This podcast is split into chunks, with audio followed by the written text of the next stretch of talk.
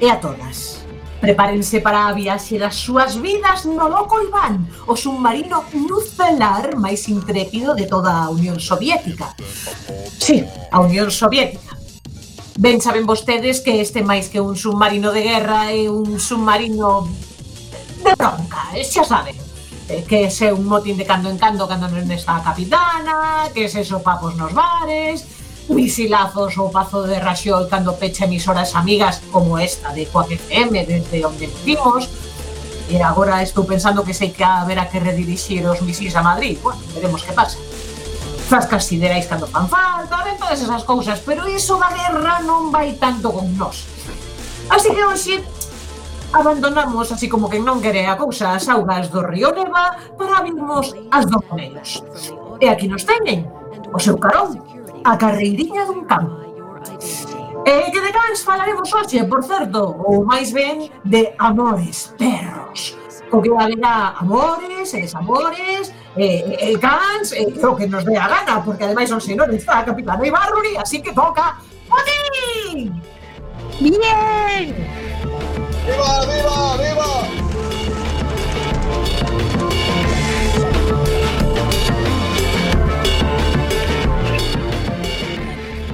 Por suposto, este motín non sería posible sen o señor Bugalov na sala de máquinas.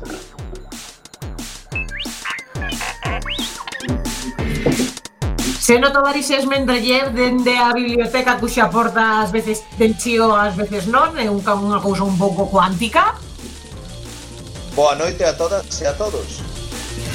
E a Bolseira Mirova, que tamén nos tiña aí en plan cuántico de que non sabía se ia aparecer ou non ia aparecer, pero apareceu porque non sabe perderse un motín. Home, a min disme motín e eu veño aquí coa tortilla, cos filetes empanados e co que faga falta. Así me gusta, ben preparada. E quen fai os motíns? Pois evidentemente especialista en motíns que lles fala, que é Beosca, a gran e malvada Beosca pase o que pase ou que non pase hoxe, queden con nós porque os protexeremos do que faga falta. Isto é Loco Iván, comezamos! Yellow 347 of Space Patrol calling unidentified ship. They're not answering.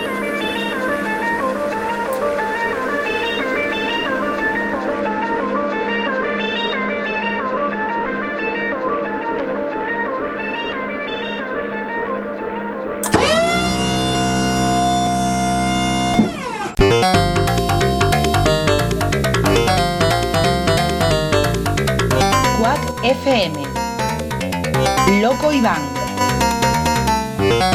Periscopio.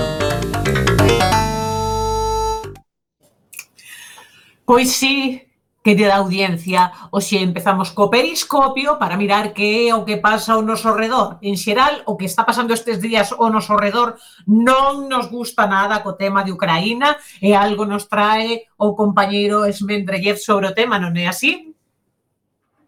Así é, temos dúas novas que teñen que ver con Ucraína e co mundo dos videoxogos.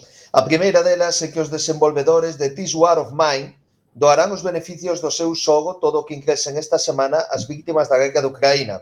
O estudo, sito en Polonia, solidarízase así cos seus veciños de, de Ucraína e o equipo polaco de 11 Byte Studios quere axudar a estas víctimas pois doñando estes, estes cartiños, non? Todos os beneficios a Cruz Vermella de Ucraína. Podedes mercalo en línea e no, por exemplo, en Epic Games por 19 maravedís é un xogazo e sobre todo creo que tamén paga a pena explicar porque é un xogazo moi peculiar porque con ese nome Tis War of Mine un podería agardar o típico mata-mata de guerra, a peculiaridade que ten este xogo é que é un survival pero é un survival no que non levas un militar, levas un civil. Entón, pois... Oh, eh, un punto de vista interesante, non sei a miúdo. Non, non, non se ve a miúdo eh, eh, e, e Vamos, que en vez, en vez de un, en vez, en, en vez de un mata-mata é un morre-morre, non? Básicamente, Ia facer sí. o mesmo chiste, grazas. pois tristemente, ou, ou bueno, eu só olvidemos eso, que pasa que claro, nesta situación pode parecer un tanto frívolo, pero sí, efectivamente, unha parte da graza que ten este xogo é que que flegue esa hasta onde pode o, o horror que, que sinte moita xente que se ven guerra, porque eh, as persoas eso que fan basicamente é sobrevivir, poder ocultarse dos francotiradores durante o día e dos saquedores pola noite e ir collendo os setos para poder poñerse a salvo eles mesmos e as súas familias. Entón, pois nada, que os sobedes e que o merquedes e que saibades que esta semana esas ganancias irán a sudar non a, a nada militar, vale? O que é a, a cruz vermella de, de Ucraína. Decir tamén que hai unha mensaxe que os desenvolvedores de, do videoxogos de Stalker, GSC Game World, que son eh, ucraínos, eles pediron unha mensaxe, eh, nos, bueno, eu, a título personal, se mo permitides, vou na transmitir aquí, se alguén lle parece mal, pois sabede que a culpa é toda de Smendrellev, non do resto do, do programa. Que Home, por suposto. Como sempre, odio a mí. Ose, A Federación Rusa declarou oficialmente a guerra contra Ucraína. O noso país despertou o son das explosións e dos disparos, pero está disposto a defender a súa liberdade e independencia porque segue forte e preparado para todo.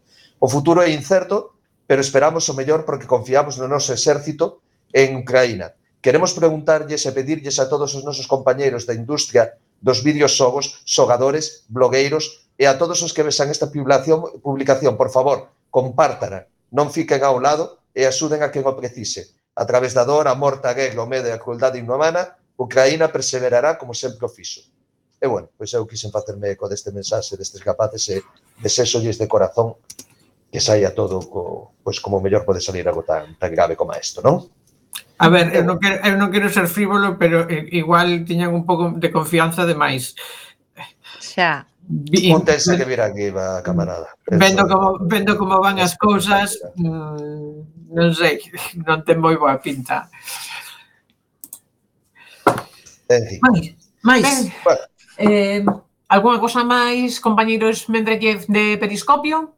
Non, non pola miña parte, porque realmente sabes que sucede. Estive ollando a senda cultural galega e o máis o máis vendible que atopei foi o Toco da Sardiña, porque realmente sabedes que penso que pasa. Como estes días son de son de Antroido, e se tivésemos que citar todas as citas que hai de Antroido tradicionais, pois non acabaríamos, porque afortunadamente nesta nosa xeografía temos de todo abondoso en todos os sitios, os peliqueiros de laza, as pantallas de todo, todo, temos de todo. Pues, non, non, non haberá que contar, non haberá que contar que non sexa... Pero eu teño unha cousa que contarvos. Unha cousa que contarvos que ten que ver coa nosa excelsa capitana. Oh, eh, cotilleo. Un super cotilleo. Eh, teño que contarvos que si queredes ver a nosa excelsa capitana en persoa, en carne e oso, para adorala e venerala como merece, eh, ou algo así. Non sei que estamos facendo un motín, pero a min ás veces se me esquece. Eh, a cousa é que o vindeiro mércores na Fundación Luis Seoane aquí na Coruña pola tarde, penso que ás sete, pero por si acaso, pois chequeade nos vosos buscadores de referencia a que hora é, preséntase eh, un libro homenaxe a, a Chichi Campos, a figura do eh, escritor, humorista, ilustrador eh, histórico da, de, pues, do noso país, no? Eh, o seu fillo, Nico Campos, eh, compila nun, o sea, ou solicita, pide, eh, incoa ou exhorta a diferentes xornalistas do, do país, de Galicia, eh, pois a escribir unha serie de artigos sobre a figura de Chichi Campos e a nosa excelsa capitana é unha das persoas, unha das xornalistas as que eh, pois eh, se lle pediu que escribise algo sobre sobre Chichi Campos, non? Entón o libro preséntase o vindeiro mércores na Fundación Luis Seoane e, e ali estará entre outros convidados pois pois a nosa capitana. Pois vou sabelo, así poderemos ir vela e lanzarlle flores, eh, remolladas de colonia, estas cousas. Remolachas. Eh, Pareceme unha grandísima idea. Nos, de momento, en Loco Iván, imos continuar co tema de hoxe que é Amores Perros, así que imos facer neste tema a nosa inversión.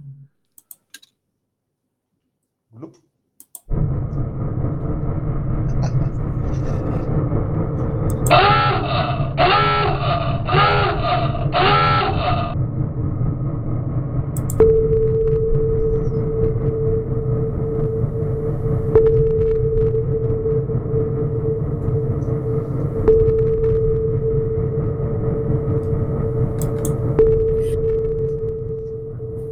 Andrés Mendeleev.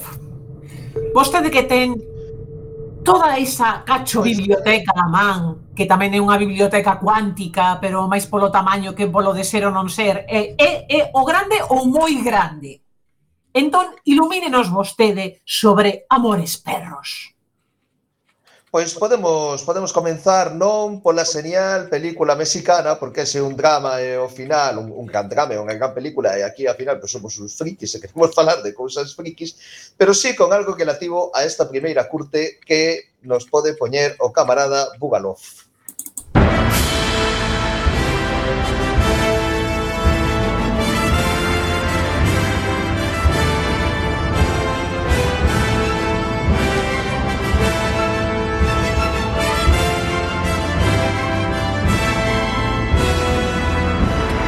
bueno, pois... Eu quero, eu quero antes de que comeces, no, no, no, antes de que comeces quero homenaxear o noso camarada Lameló, fala onde este e dicir que non me soa de nada isto que acabas de poñer. Home, pois debería, porque quero dicir, a Guerra das Galaxias é unha saga enormemente coñecida por todos e deberías, deberías que coñecer esta, esta noble musicola que acabamos de... Sempre fumais dos fruitis. Dos fruitis. a mí tamén me gustaba o bo de mochilo. Inda que inventara Emilio Aragón coa súa mente pervertida. Non? Bueno, con, con Emilio Aragón nunca se sabe se inventou se o fanou alguén, eh? Seica, últimamente... Ui, ui, ui, ui, ui. Home, pois quero decir, es triste de pedir, es máis triste de cobar, pero puestos a plagiar non me plagies a mochilo, tío.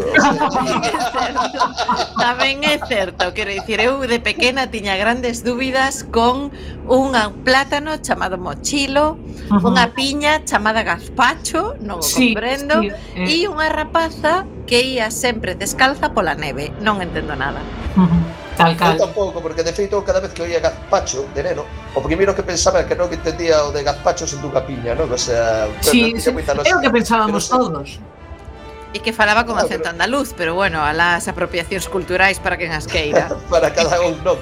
Pero o peor deso é que non pode evitar ainda agora mismo que cada vez que di gazpacho, e me acordo dos fritos, obviamente fai así como que se gripa, non? E de pronto na miña mente imagino a gazpacho caendo dentro dunha, dunha batidora, sabe? Entón que Ara, Aragorn bebe gazpacho Non hai como recuperar isto, non hai xeito, xa perdimos volvamos, o tema. Bueno, bueno, volvamos, que expliquei o principio do ¿eh? programa que isto é un motín e falaríamos do que nos dera a gana. Así que, bueno, gazpacho. Pero sí, reconduzamos ao tema dos amores cans. Reconduzamos o tema. Seguramente de toda a obra de Tolkien, que por certo volve a estar de moda porque decidiron facer unha serie Pero a ver, eh, como que volve a estar de moda? En que Cando momento deixou? deixou de estar de moda dende 1947, polo menos? Bueno, home, eh, pasa unha cousa, camarada Bugaló Feu que son case tan bello como a vostede Lembro me no momento donde nen sequer estaba de moda El era o señor dos anéis, era de bicho carito E xente miraba che feo no instituto eh. Esto pasou, esto pasou Hubo un tempo Pero... onde non existían as, as pelis de Jackson donde afortunadamente nunca víramos a Gadagás con pinta de homeless borracho, donde desafortunadamente nunca víramos a batalla do abismo de Helm, donde Gandalf non se lle viran as zapatillas Nike alzando o seu báculo mentras se enfrentaba as forzas do mal. Hai cousas peores, eh? Hai cousas peores no, no da batalla do abismo de Helm por que, que carallo fan em, elfos de de de Lorien en, en, en Helm, o sea, non, non ten na, eso, eso é unha un atropello. Tamén hai cousas beboas, como ver a Orlando Bloom manchar as calzas élficas. Eu nunca me fiei deses fillos de putas de orellas así apuntadas. O sea, non, esa ente non, non, non me cae ben. Pero bueno. Eu teño que romper unha lanza a favor da xente pequena. bueno, no, no, pero non estou falando dos hobbits Os hobbits molan a todo o mundo, son entrañables Os elfos, pois son sete entre racista e xenocida pero bueno, Os, os ananos, tamén, os ananos tamén son xente pequena Bueno, pero tampouco son mala... xenocida E sí. cousas, bastante mala leche Sí. Quero dicir que os elfos, sobre todo, por exemplo, os noldos, quítame un ala a estes barcos e eh, matanche un pueblo entero, eh? O sea, esa xente moi jodida. Pero bueno, volvendo ao tema, agora que volve a estar na palestra dos media porque fixeron unha serie ou queren facer supostamente unha serie da segunda edade do cal non compraron os dereitos, co cal pois non sei, ninguén sabe moi ben como vai a derivar esta serie daqui. Vou lembrar algo que ni sequera da Non compraron, edade. como que non compraron? A ver, desenvolve iso, como que non compraron os dereitos? Eu a ver, tampouco profundicei moito neste asunto, pero parece ser que non teñen os dereitos completos da obra que foi adaptada de Christopher Tolkien, do seu pai, J.R.R. Tolkien, e de os contos eh, relativos a toda o período da segunda idade, co cal, pois queren facer unha serie dos dereitos que non teñen. E a xente sospeita que xirán un pouco así pola... Vamos, que queren, que, que queren fusilar o Silmarillion, pero menos. Pero se pagan. Ou seja, que acabarás facendo calquera cousa, acabarás salindo por aí Gerald de Rivia ou algo. o que ven sendo O que ven sendo a sección de Mirova de cada venres, vaya. Tal vez o mesmo Kevin Sorbo apareza por aí con Sena, pero ese é outro tema diferente.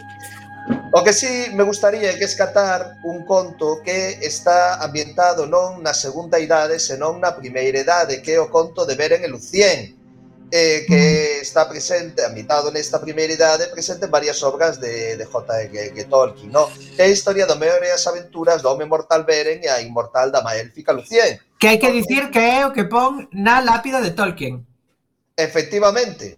Tolkien, pois, eh, máis adiante, evidentemente máis adiante, porque foi cando faleciu, mandou escribir dentro da súa, dentro do, vamos, enriba da súa lápida, do, do seu sepulcro, o nome deste hombre de Beren e Lucien no da súa esposa, non?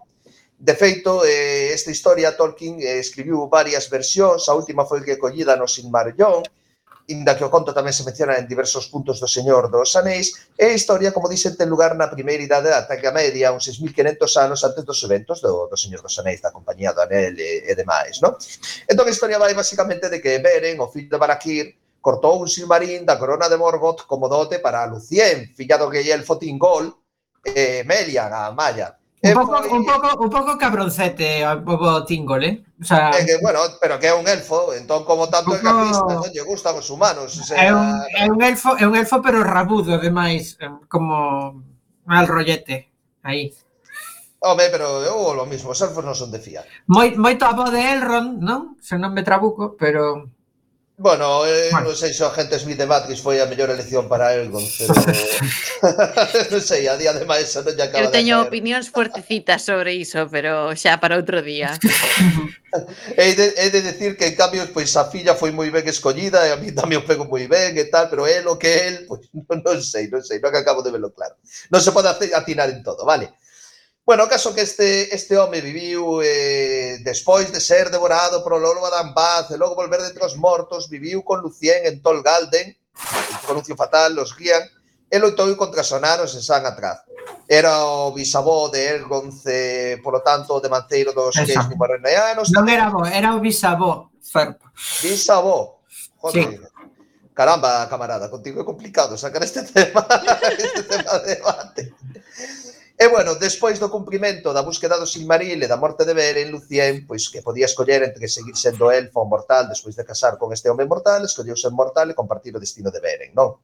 O caso que Tolkien baseou varias ideas do conto a partir do amor que el sentía pola súa esposa, que se chamaba Edith, E despois da súa morte, como moi ben contou o camarada, pois mandou gravar os nomes en pedra nas lápidas dos dous, non? Foi a, unha das súas últimas vontades. A cuestión é que a historia da morte destes dous pois é un pouco de amor espegos, é un pouco curiosa tamén, non? Eles dous eran orfos e os dous tiñan titores. Cando el coñeceu a súa futura esposa, Edith, tiña 16 anos ela era maior, xa tiña 18, e foi compartindo unha casa de guenta, porque xa eran maioriños e os titores pois, decidiron que estaban mellor nunha casa de guenta que nas súas propias casas que non se adaptaban demasiado ben, non? Enseguida se empezaron a levar moi ben, iban xuntos tomar o té, iban... E resulta que... Oh, no. de Tolkien, eh, bueno, naquelo era un escándalo, eh? Cuidado E cando o titor de Tolkien, que era un cura católico así bastante estricto, soubo do asunto, pois prohibille seguir en contacto con Edith atos 21 anos para que non se distraera dos seus estudos e ademais porque, claro, vivindo baixo o mesmo texto, teito, era todo un pouco escandaloso e, bueno, un pouco pola moral pacata da época, porque aparte a casa onde a tiñan, a, a casa de hóspedes onde estaban, era levada por unha señora que era coñecida polo seu gusto musical, pero non tanto por andar moi certa de que o que facían, vamos, que era unha muller así un pouco no que aquela época se chamaría moderna, ou tal vez algo peor.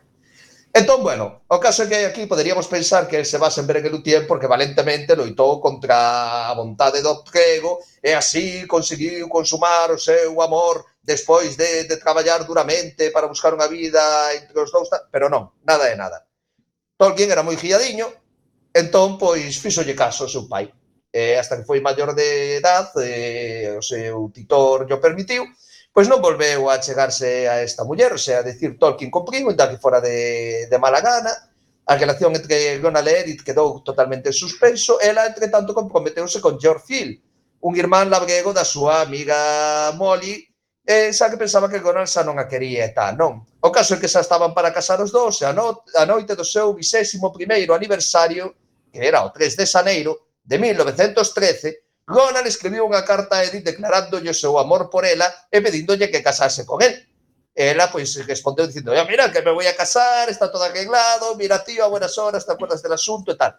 Bueno, pois pouco despois, concretamente cinco días despois, Tolkien viaxou hasta Cheltenham, onde os dous atoparon de novo na estación de tren, renovaron o seu amor, o campesino deronlle moito por saco, e ese mismo día Edith devolveu o seu anel de compromiso e aceptou o anuncio matrimonial, non?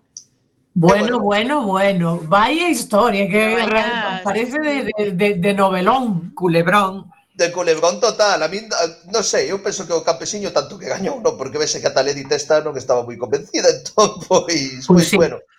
A cousa seguiu moi duramente para os dous, porque comezou a Primeira Guerra Mundial E Ronald eh, tivo que servir na batalla do Somme, que aquelo foi algo terrorífico. Moi non era bo eh, sitio era, ese, eh? Era... Non, non, non era bo sitio, non, non, non. Era un sitio terrible. Hai un ah. poema eh, de quen era? Un boche muerto. Dona vos. O poema, non. un boche muerto. Pois esperade, porque o estou buscando ahora mismo, porque ahora co tema da guerra pois a verdade é que ven bastante Bastante a o caso. bastante acaído. Ujú. Mm. A ver, aí estiveronse Hoy salpochando encontré en el bosque de Mammoth cierta cura para el anhelo de sangre, donde apoyado contra un tronco destrozado, en un gran lío de cosas sucias, sentado un boche muerto. Tiene mal gesto y apesta, con una mojadura verde en la ropa y cara, gran barriga, anteojos, pelo largo, goteando la sangre negra y podrida de su nariz y de su barba.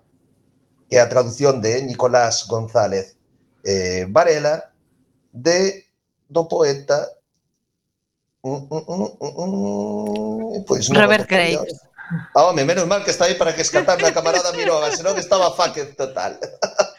Ben, bueno, de Robert Graves. Viume agora a cabeza. O caso que, bueno, ela aí perdeu case todos os seus compañeiros, eh, pasou no moi mal, volveu un pouco tocado, E con Pero, febre de trincheira, o sea, que, que bueno. pasoulle todo, tío. Eh. De feito, pasou no bastante bastante putas e tal, non? Pois pues, o que ven sendo un conflicto, vaya. Sí, bueno, de feito quedou tan traumatizado que logo reflicte de, en, toda, en toda a súa obra permanentemente, de xeito recurrente. Ese, de feito, ese eses ambientes tan super opresivos das, das batallas que consigue que consigue trasladar eh, veñen todas de aí, estaba facendo exorcismos. Eh, bueno, eh, que a verdade naquela época tiña que ser incluso máis terrible do que agora, non só pola cruel guerra de trincheiras, senón tamén porque o control de información era moito maior. De feito, que na lei enseñaron un sistema para ter un código nas cartas e poder escribirse para que el puidera dar a súa posición sen que fora censurada polos censores que lían todas as cartas que mandaban e poderlle dar a Edith unha pista de onde estaba e como, como se atopaba. Non? Uh -huh. Bueno, conta eh, nunha das súas cartas unha vez que mentres Gonal estaba destinado en Kingston, upon Hull, en East Yorkshire, eh, nun momento que estaba na, na isla, non? No, no continente, foi a dar un paseo con Edith polo bosque de Aguedor de Gosh, e que Edith pusese a bailar nun claro florido e el eh, conta Entramos nun bosque onde medraba cicuta, un mar de flores brancas. Este incidente fugara intrascendente, pois eh, converteuse, sen embargo, para moi importante, porque foi un pouco, o el dice así, o que acuñou a imaxe de Lucien na súa mente, non? E Lucien converteuse nunha das figuras centrais do, do legendarium de, de Tolkien. Hai que dicir que o seu matrimonio tivo certas dificultades por varios motivos. Non, o primeiro é que a muller era un tanto descreída, e Tolkien era católico machaca martillo. De feito, como esta muller era anglicana, obligou a convertirse, a tía non estaba moi pola labor, e, bueno, pues eso non a tiña moi contenta. Para continuar, porque ao contrario que Tolkien, a ela a literatura daballe bastante polo cu, entón, pois, Claro, imaginade o que era para esta muller vivir godeada de profesores universitarios que iban a darlle a chapa a súa casa eh, as tertulias... Intenso, como mínimo. Es, un martirio, un martirio. Es, estar casado cun filólogo moi zumbado, eh, porque Tolkien, olliño, eh? Pero non só eso, que parece ser que Tolkien tiña unha amistade que gozaba un pouco a vela palmatoria con E.C.S. Lewis, o autor de Narnia. Certo. O autor de Narnia era... Que, acab que acabou moi mal, hai que dicilo acabou moi mal, bueno, meu pobre, a verdade é que sí. Bueno, era no tamén moi religioso, ao igual que Tolkien, e eh, a tía pois pues, o consideraba que era un pouco como intruso na súa casa, no? porque estaba ali todo o gato pois pues, estomado. Era, era, eh. era, era un poquinho me apilas demais, eh, C.S. Luis, porque tiña a paixón do converso. Home, pois ti imagínate ter que compartir a vida continuamente con eh, cun profesor de universidade de filología antigua germánica e o seu amigo Flanders Y así todos los putos días. Pero hay que, hay, a esa, casa, ¿sabes? Esa, esa, esa, esa amizade rematou moi mal precisamente por un tema religioso, porque para C.S. Luis Tolkien non era uh, católico abondo. Hostia, pois... Pues... Que tremendo, eh? A ver... Pois pues, a ver. entón non sei, non sei o que pensaría da súa muller. Non teño nada máis que dicir. Porque, claro. de feito, ela públicamente demostraba pasar bastante eso, pois parecía ser que lle daba certo sufrimento ao de, o bo de Tolkien. Igual no? contribuía tamén a, a esa Eu creo que non axudaba, dende logo. Claro. Hai que dicir que, pese a iso, eh, o matrimonio pois, durou largos anos e que ela chegou a perdonar a Luis desde o momento que Luis decidiu casar. El tivo un matrimonio tardío, casou con 45 anos, morreron non moitos anos despois, tanto el como a muller de, de respectivas enfermidades, eh, que os chegaron prematuramente, E, bueno, chegou a apreciálo máis desde certa distancia. Imagino que lle pasou como ver certas obras de arte. A inimigo que, e, bueno, que fuxe Ponte de Plata, camarada. Ponte de Plata. Claro. Iba que matar co asunto das lápidas, pero como xa o dixemos, pois creo que podemos pasar a corte do Spoiler vou, vou, facer, vou facer aí un, un rollo sobre, mira, Amores perros en Tolkien, que, que se me ocorreu, non hai eh, non hai ningún máis perro que o de Turin, Turambar e Nienor Sí, pero ese pareceume demasiado perro hasta para este podcast. Ese é super perro. Ese perrísimo. Eso parece ser que el ese eh, o conto de Turin Turambar escribiu no na mente que se estaba enfermo coa febre de trincheiras no Somme despois de que mataran os seus catro amigos de instituto. Entón, pois claro, estaba un pouco depresivo, tío. Ah, bueno, eh, pois, non, pois, non é unha historia moi alegre, non? A historia non é, sí, é un pouco por aí. E se queredes saber cal é, lede, hostias. A ler. Claro. Por favor. Ala, veña, tanto que non contádenos, contádenos, non, hai que ler. Veña, ala, buscade Turin Turán para aí na Wikipedia. Hostia xa. Máis cousas. Veña, dalle aí a segunda curte. E non me matedes. Te quero. Gracias por decirte quiero. Eres un humano genial. Bueno, pois pues isto é exactamente o que acaba de escribir. É unha meniña dicéndolle te quiero a Alexa e a resposta de Alexa. E diredes, a que carallo ven isto de Alexa? Terceira curte, por favor, camarada. Esta xa non é tan fácil de que coñecer.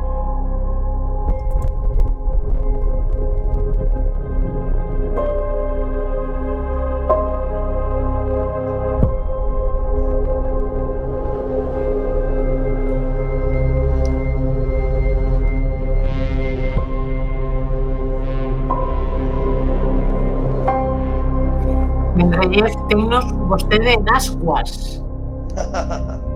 Vale, pois este, si sí, efectivamente, seguramente se tivera pillado a da legendaria primeira película de Blade Runner, todo mundo a coñecería, non?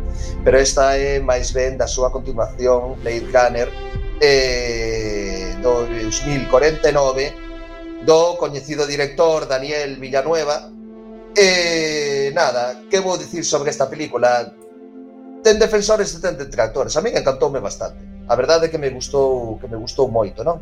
E se tivese que sinalar dúas cousas que me encantaron desta película, tamén hai algunha que me horrorizou, porque, bueno, Villeneuve a veces, bueno, ten as súas cousas tamén, non?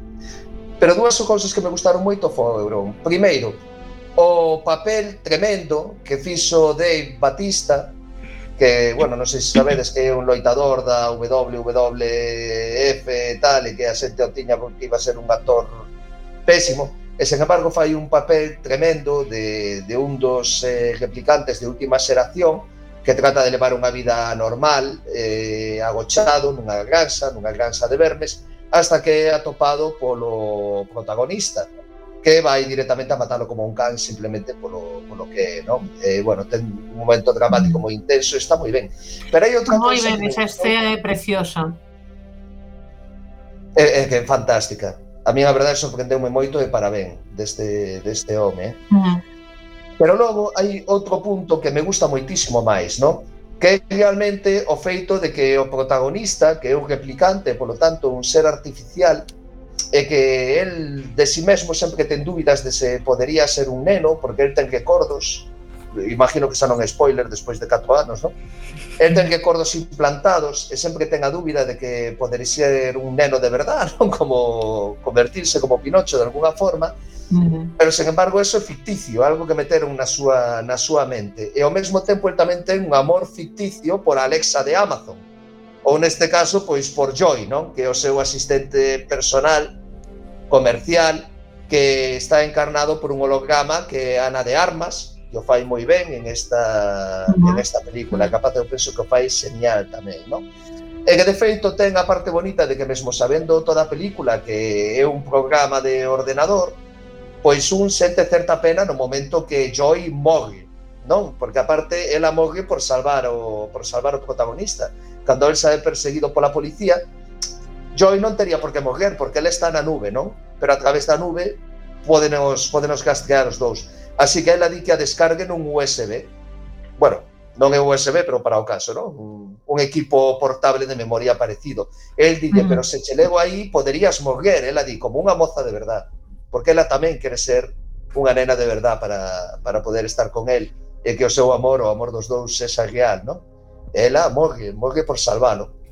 Eh, é unha cousa que dentro de que todo é gran mentira, porque ningún dos dous é siquiera un ser humano, sí que ten esa beleza enorme de conseguir pois como como trascender o que é o, o amor puro, non? Ou como podería ser un amor puro artificial. Isto, a alma dentro da máquina, pois é algo que aparece moito no cine cyberpunk, que non é un tema novedoso Pero, sen embargo, a min pois, gustoume bastante como o trataron nesta, nesta película. E tamén me parece que ten moitos paralelismos pois eh, neste mundo de redes sociais, eh, de ligoteos por internet, con que lle pasa a moita xente que se sente soa e, ao mellor, pois a través das redes pode encontrar un amor que hasta certo punto é ficticio, pero que no fondo do corazón, pois, cando ti crees que queres alguén, realmente o que o queres, non? E que, sen embargo, ao mesmo tempo, pois tamén é moi real. E bueno, mm. nada máis. Quería chamar a atención sobre esta sobre esta parte peculiar da película que a mí me, me gustou moito. Que bonito es Mendrellev. que filosófico, Pues sí. Un romántico es Mendeleev. Eso de leer tantos aí autores aí góticos, paso que paso. Moi ben, pois continuamos en Loco Iván en Coac FM co tema de hoxe amores perros. Eh, e como no programa anterior falamos de, de gatos e por equilibrar un, un pouco co tema San Valentín e todo isto tamén, eu máis que de eh, amores perros quería falar de amor polos perros ou de perros que merecen moito amor ou moito recoñecemento. E atopei algo que descoñecía e que me deixou bastante tola, teño que de verdade eh, eh compartilo con vos.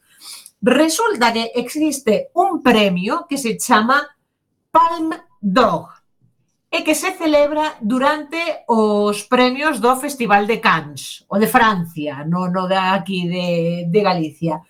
Eu non, me pises, vez... non me pises a sección.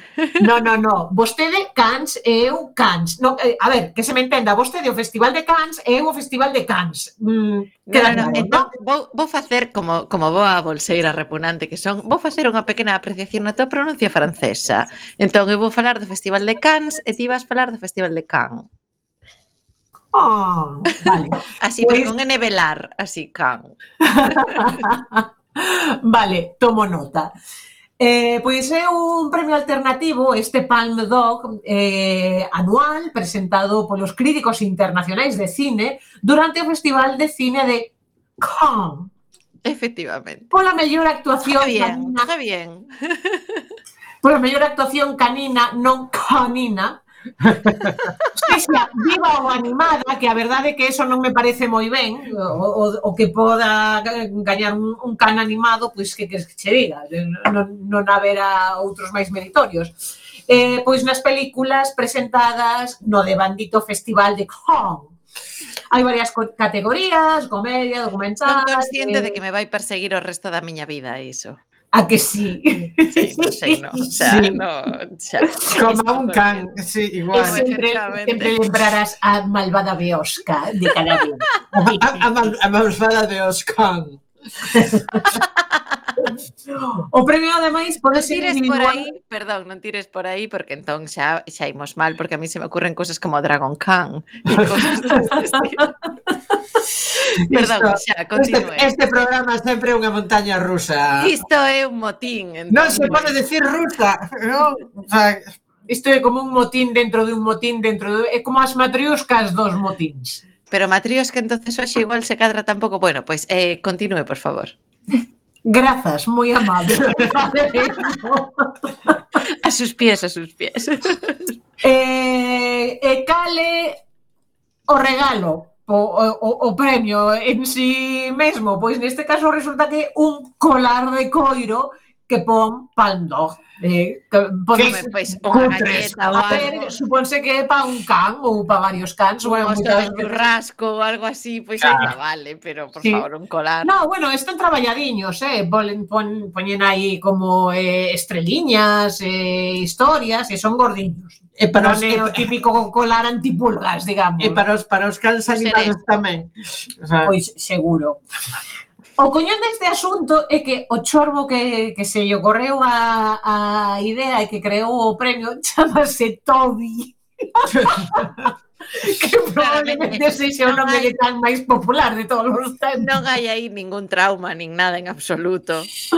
Un tal Toby Rose que, que fixo a primeira edición en 2001 E, e bueno, pois entre outros cans que gañaron este premio, pois está, por exemplo, en 2003 o can Moses que saía en Dogville, que non sei se vestes esa película que sí. eh, é unha peli de Lars von Trier con Nicole Kidman como protagonista, que hai que vela, pero hai que vela nun momento da túa vida no que non esteas a punto de tirarte pola fiestra, porque entón tiraste fixo. É unha vez, dúas veces. Como calquera outra película de Lars von Trier, eu recomendo que as películas de Lars von Trier a xente as vexa ou ben alta de lorazepam ou nun momento da súa vida moi feliz. Porque e unha vez, suceda, E unha vez. Porque suceda, Hai que dicir que, que a película é maravillosa, eh? é un no, peliculón. Dogville é genial. Eu, se non a vistes, recomendo porque ademais a posta en escena desa película é maravillosa. Pero en xeral, calquera película de Lars von Trier convida ao suicidio. O sea, as cousas como son.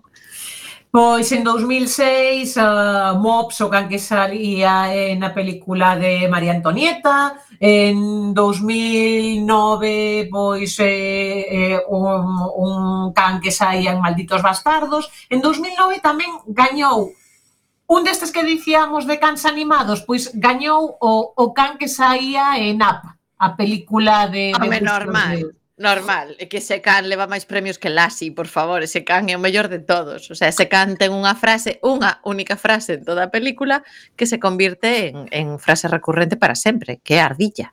O sea, eu non sei se vistes Up, Sí, pero se sí, non a vistes sí. recomendomola, pero ardilla é unha... unha o sea, pois xa vedes, por dicir ardilla, levo aquí un, un palm dog o, o, o perro de mentira. Os nosas lembranzas al Vice Pérez dende aquí.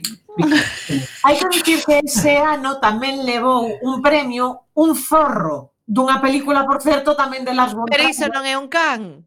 Que un zorro... Non, non, xa dixeron que se pasaron as, as vale, regras todo. dos zorros. Ah, ah, que estar aquí facendo motín tamén, porque é desto de... Pero que lle den un premio a Willy, deliberada Willy. Ou algo así.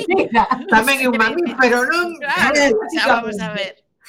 En fin, a verdade é que son uns premios mm, bastante bastante extraños. A partir de 2015 empezaron tamén a dar o, o Palm eh, en vez de humanitarian o dogmanitarian. Por favor. Que son premios que dan como se fosen os cans a xente, a xente que se preocupa polos cans.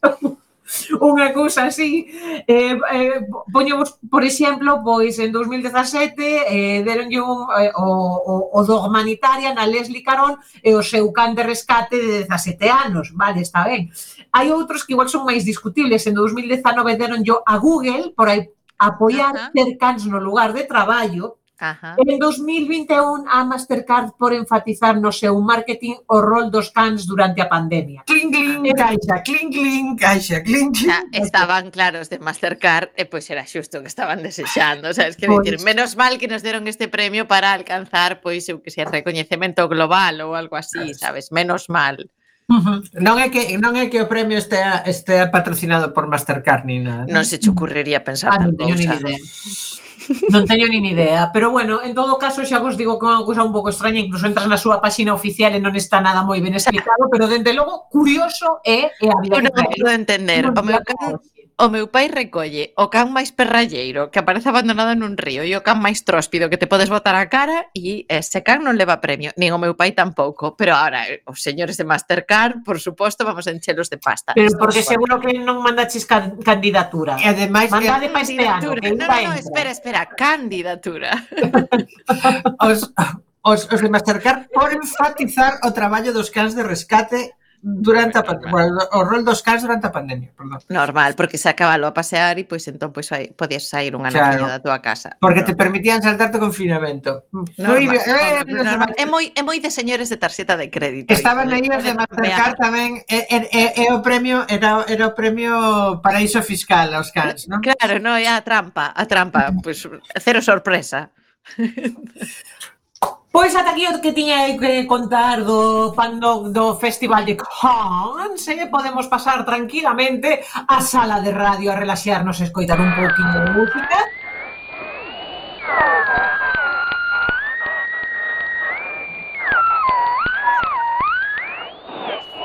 Carallo, sou forte eh, hoxe. Eh, bueno, eu, eu a min dixeronme, esta va de, amor, de amores perros. Eu dixen, pois, o amor... Non me digas máis, non me digas máis. The Year of the Cat. No, no, vale. no. Eu tamén no polo lado literal.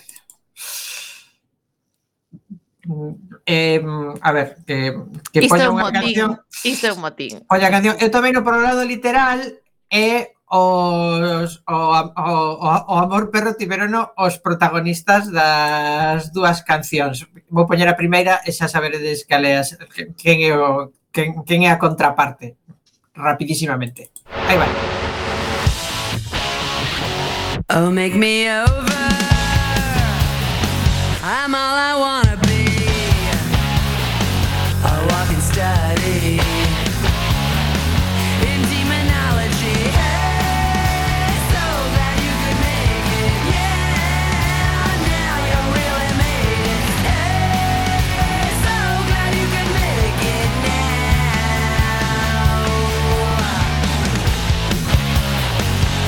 look at my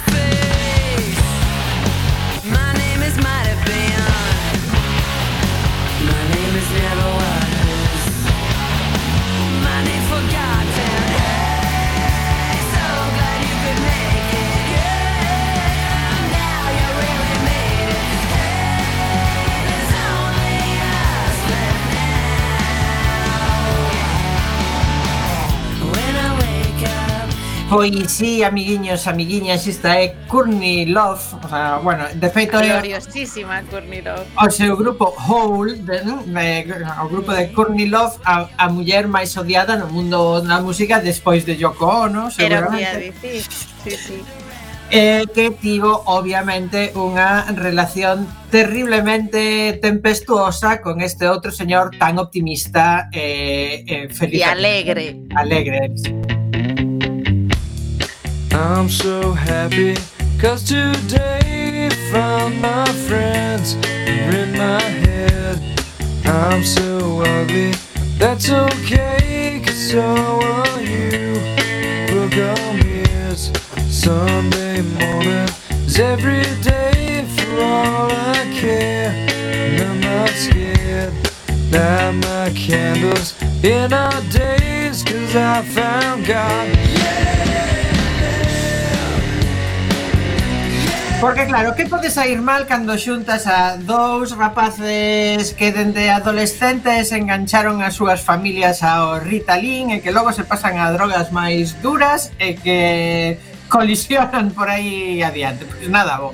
obviamente, estas dúas persoas, Kurnilov e Kurt Cobain, fixeronse a vida imposible, pero tope de gama, a, a todo trapo, o máximo que puideron, entraban e saían máis entraban que saían de clínicas de desintoxicación, cousa que é difícil, eh? dous por uno sí, en heroína, claro. eh, E eh, por riba lles quitaron a custodia da súa filla por algunha razón, non? O sea, non se me pode ocurrir cal. Yep. E a cousa acabou, pois, pois como el Rosario e a Aurora, fatal, moi mal, con Kurt Cobain chamando a Courtney Love justo antes de pegarse un tiro cunha escopeta despois de chutarse unha dose triple de heroína. A ver... Que ven sendo un sábado pola tarde, vamos. Claro, isto é un amor perro. Nada de ver en ilusia ni cousas que bonitas. No, no. Isto, isto é horrible. Pois, eso, horrible. Pero deixaron Kornilov un bo disco e uh, Kurt Cobain. e eh, Kurt Cobain dous, tres bons, dous, dous bos discos porque que morrero, o sea, morreu moi novo e a Courtney non lle daba hogas para máis tampouco.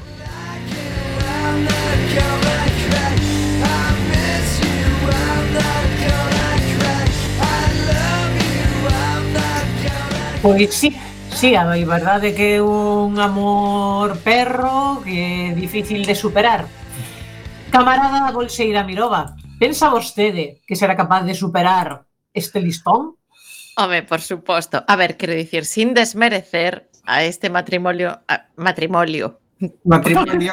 cando, cando unha pronuncia mal, se queda con esa palabra para sempre. Vai ver un matrimonio, pero... Un matrimonio peor sí, sí. eh, pois pues, claro, pois pues, por suposto, pois pues, despois destes dous eu solo podo comezar con esta maravilla que se lanzou esta semana e que teño eh, pois moitas cousas que comentar. Probablemente se saia un poquinho do tema, pero ao mesmo tempo no. Lixeiramente. No, no, no, o sea, eu vou enganchar isto dun xeito tan absolutamente magistral que vos ides quedar eh, petrificados. Eh, petrificados é a palabra.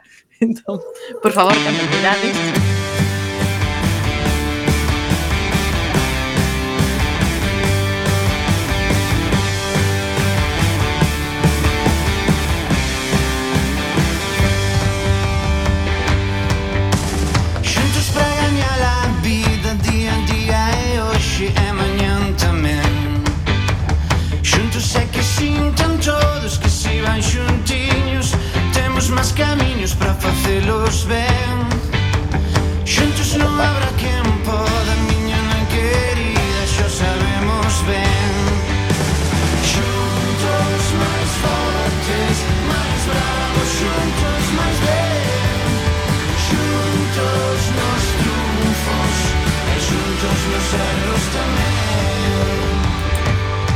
Bueno. Estou petrificada xa. Logo diredes, logo, di, logo diredes que San Pardo non compón guai.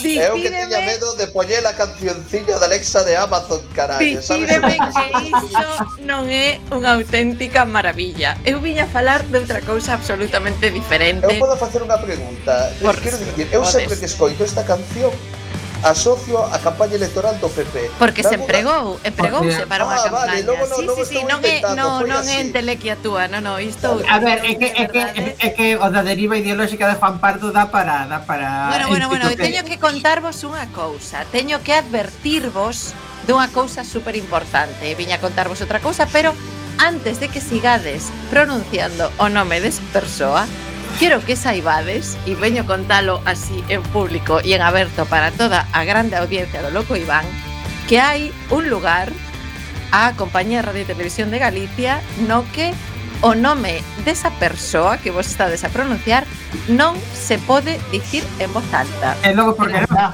Porque eh, existe a lenda, a crenza de que dá mala sorte. O sea, Bueno, o nome- carallo, bueno. no, dicir o nome, pero eu digo vos absolutamente en serio que dentro de calquera sede da, de, desta a nosa compañía que pagamos todos non se pode pronunciar o seu nome. Digo vos absolutamente en serio, non é ningunha broma. A xente chamalle JP Pois vivía ali, eh? JP vivía ali. Agora, agora vive Sigüeiro. Prácticamente. Non se pronuncia o nome desta persoa. Home, de Sigüeiro a San Marcos tampouco é que... Pois hai un pasiño, pero vaya, eu que sei. A, carre, a carreilla dun can, nunca me... Dun can. Dun can.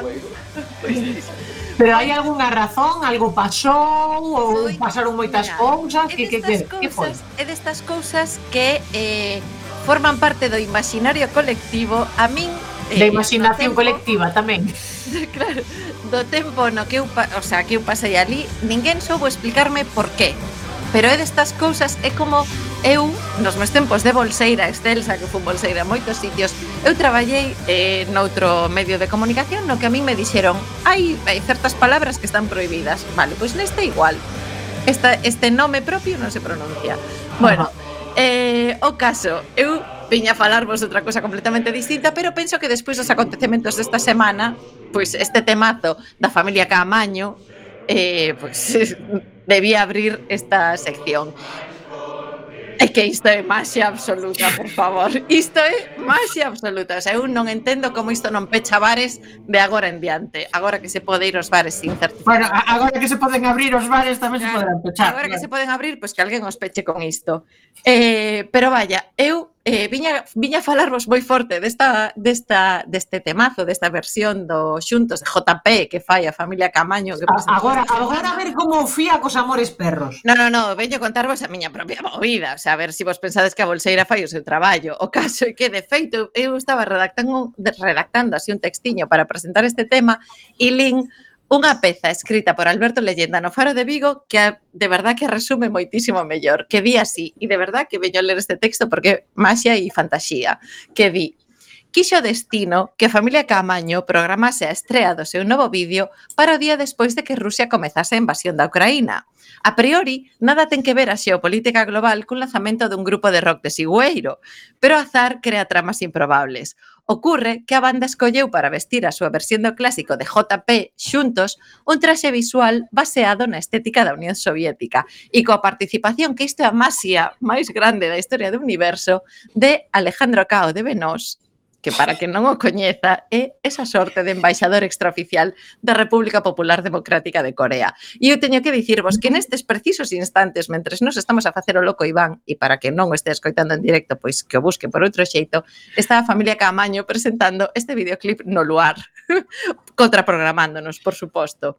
E mm. como se fía isto? Co... Pois, pois non se fía. O sea, eu viña fialo de forma moi cutre perralleira, contándovos que a familia Camaño actuou no Festival de Cannes de Porriño, que é o Festival de Cans de Porriño, pois para que non o saiba se pronuncia Cans, así C-A-N-S, pero de verdade pronunciado Cans. Eh, penso que, eh, pois, creo que me queda eh, 30 segundos de sección. Eh, pois, eh, pouco máis teño que contarvos. Eh, 30 segundos de sección, minuto e medio de liberdade, porque... Pois isto, claro, isto é o que... Isto é o que... Nin, nin, nin en eh, pleno motín. Eu viña, non, non, en realidade tiña un anaco preparado pois iso, pois sobre a importancia do Festival de Cannes e que é un espazo no que pois o cinema galego e o audiovisual galego pois ten a súa a súa máxima representación e que é un lugar especial. Se nunca fostes ao Festival de Cannes, eu convido vos moi forte a que vayades e falando de estreas, eu quería que me comentarades en 15 breves segundos que será o que nos quede. E que tal vos foi a estrea do outro día, por certo? A estrea do, do... No outro día dai dúas semanas. Sobre pero é que como non houve programa semana pasada, pois pues eu me saco isto de donde podo, sabes? Entonces, por favor, faládeme vos antes de que soe a sintonía de peche, grazas. Que tal a presentación do outro día, queridos compañeros camaradas? Pois foi estupendamente, eh, moito máis eh, amores que cans, todo que dicilo. Super glamuroso todo. Super glamuroso. Pero porque estábamos nós. Eh, claro. Pero que saibades que vai haber máis máis pases por aí, estáse falando. Así que a, acabaremos en Cans, en Cans. Claro, e no próximo periscopio se cadra, é un pouco de sorte. É máis probable sí. que en Cans, eh? Mm, bastante sí, máis probable. Eu penso, sí. eu penso que o docu é máis sen desmerecelo, é máis de chimpín que de que de Palm Dog, pero sí, sí. non sei se xa en Cans. Eh, no, no, no. Dice como se fía.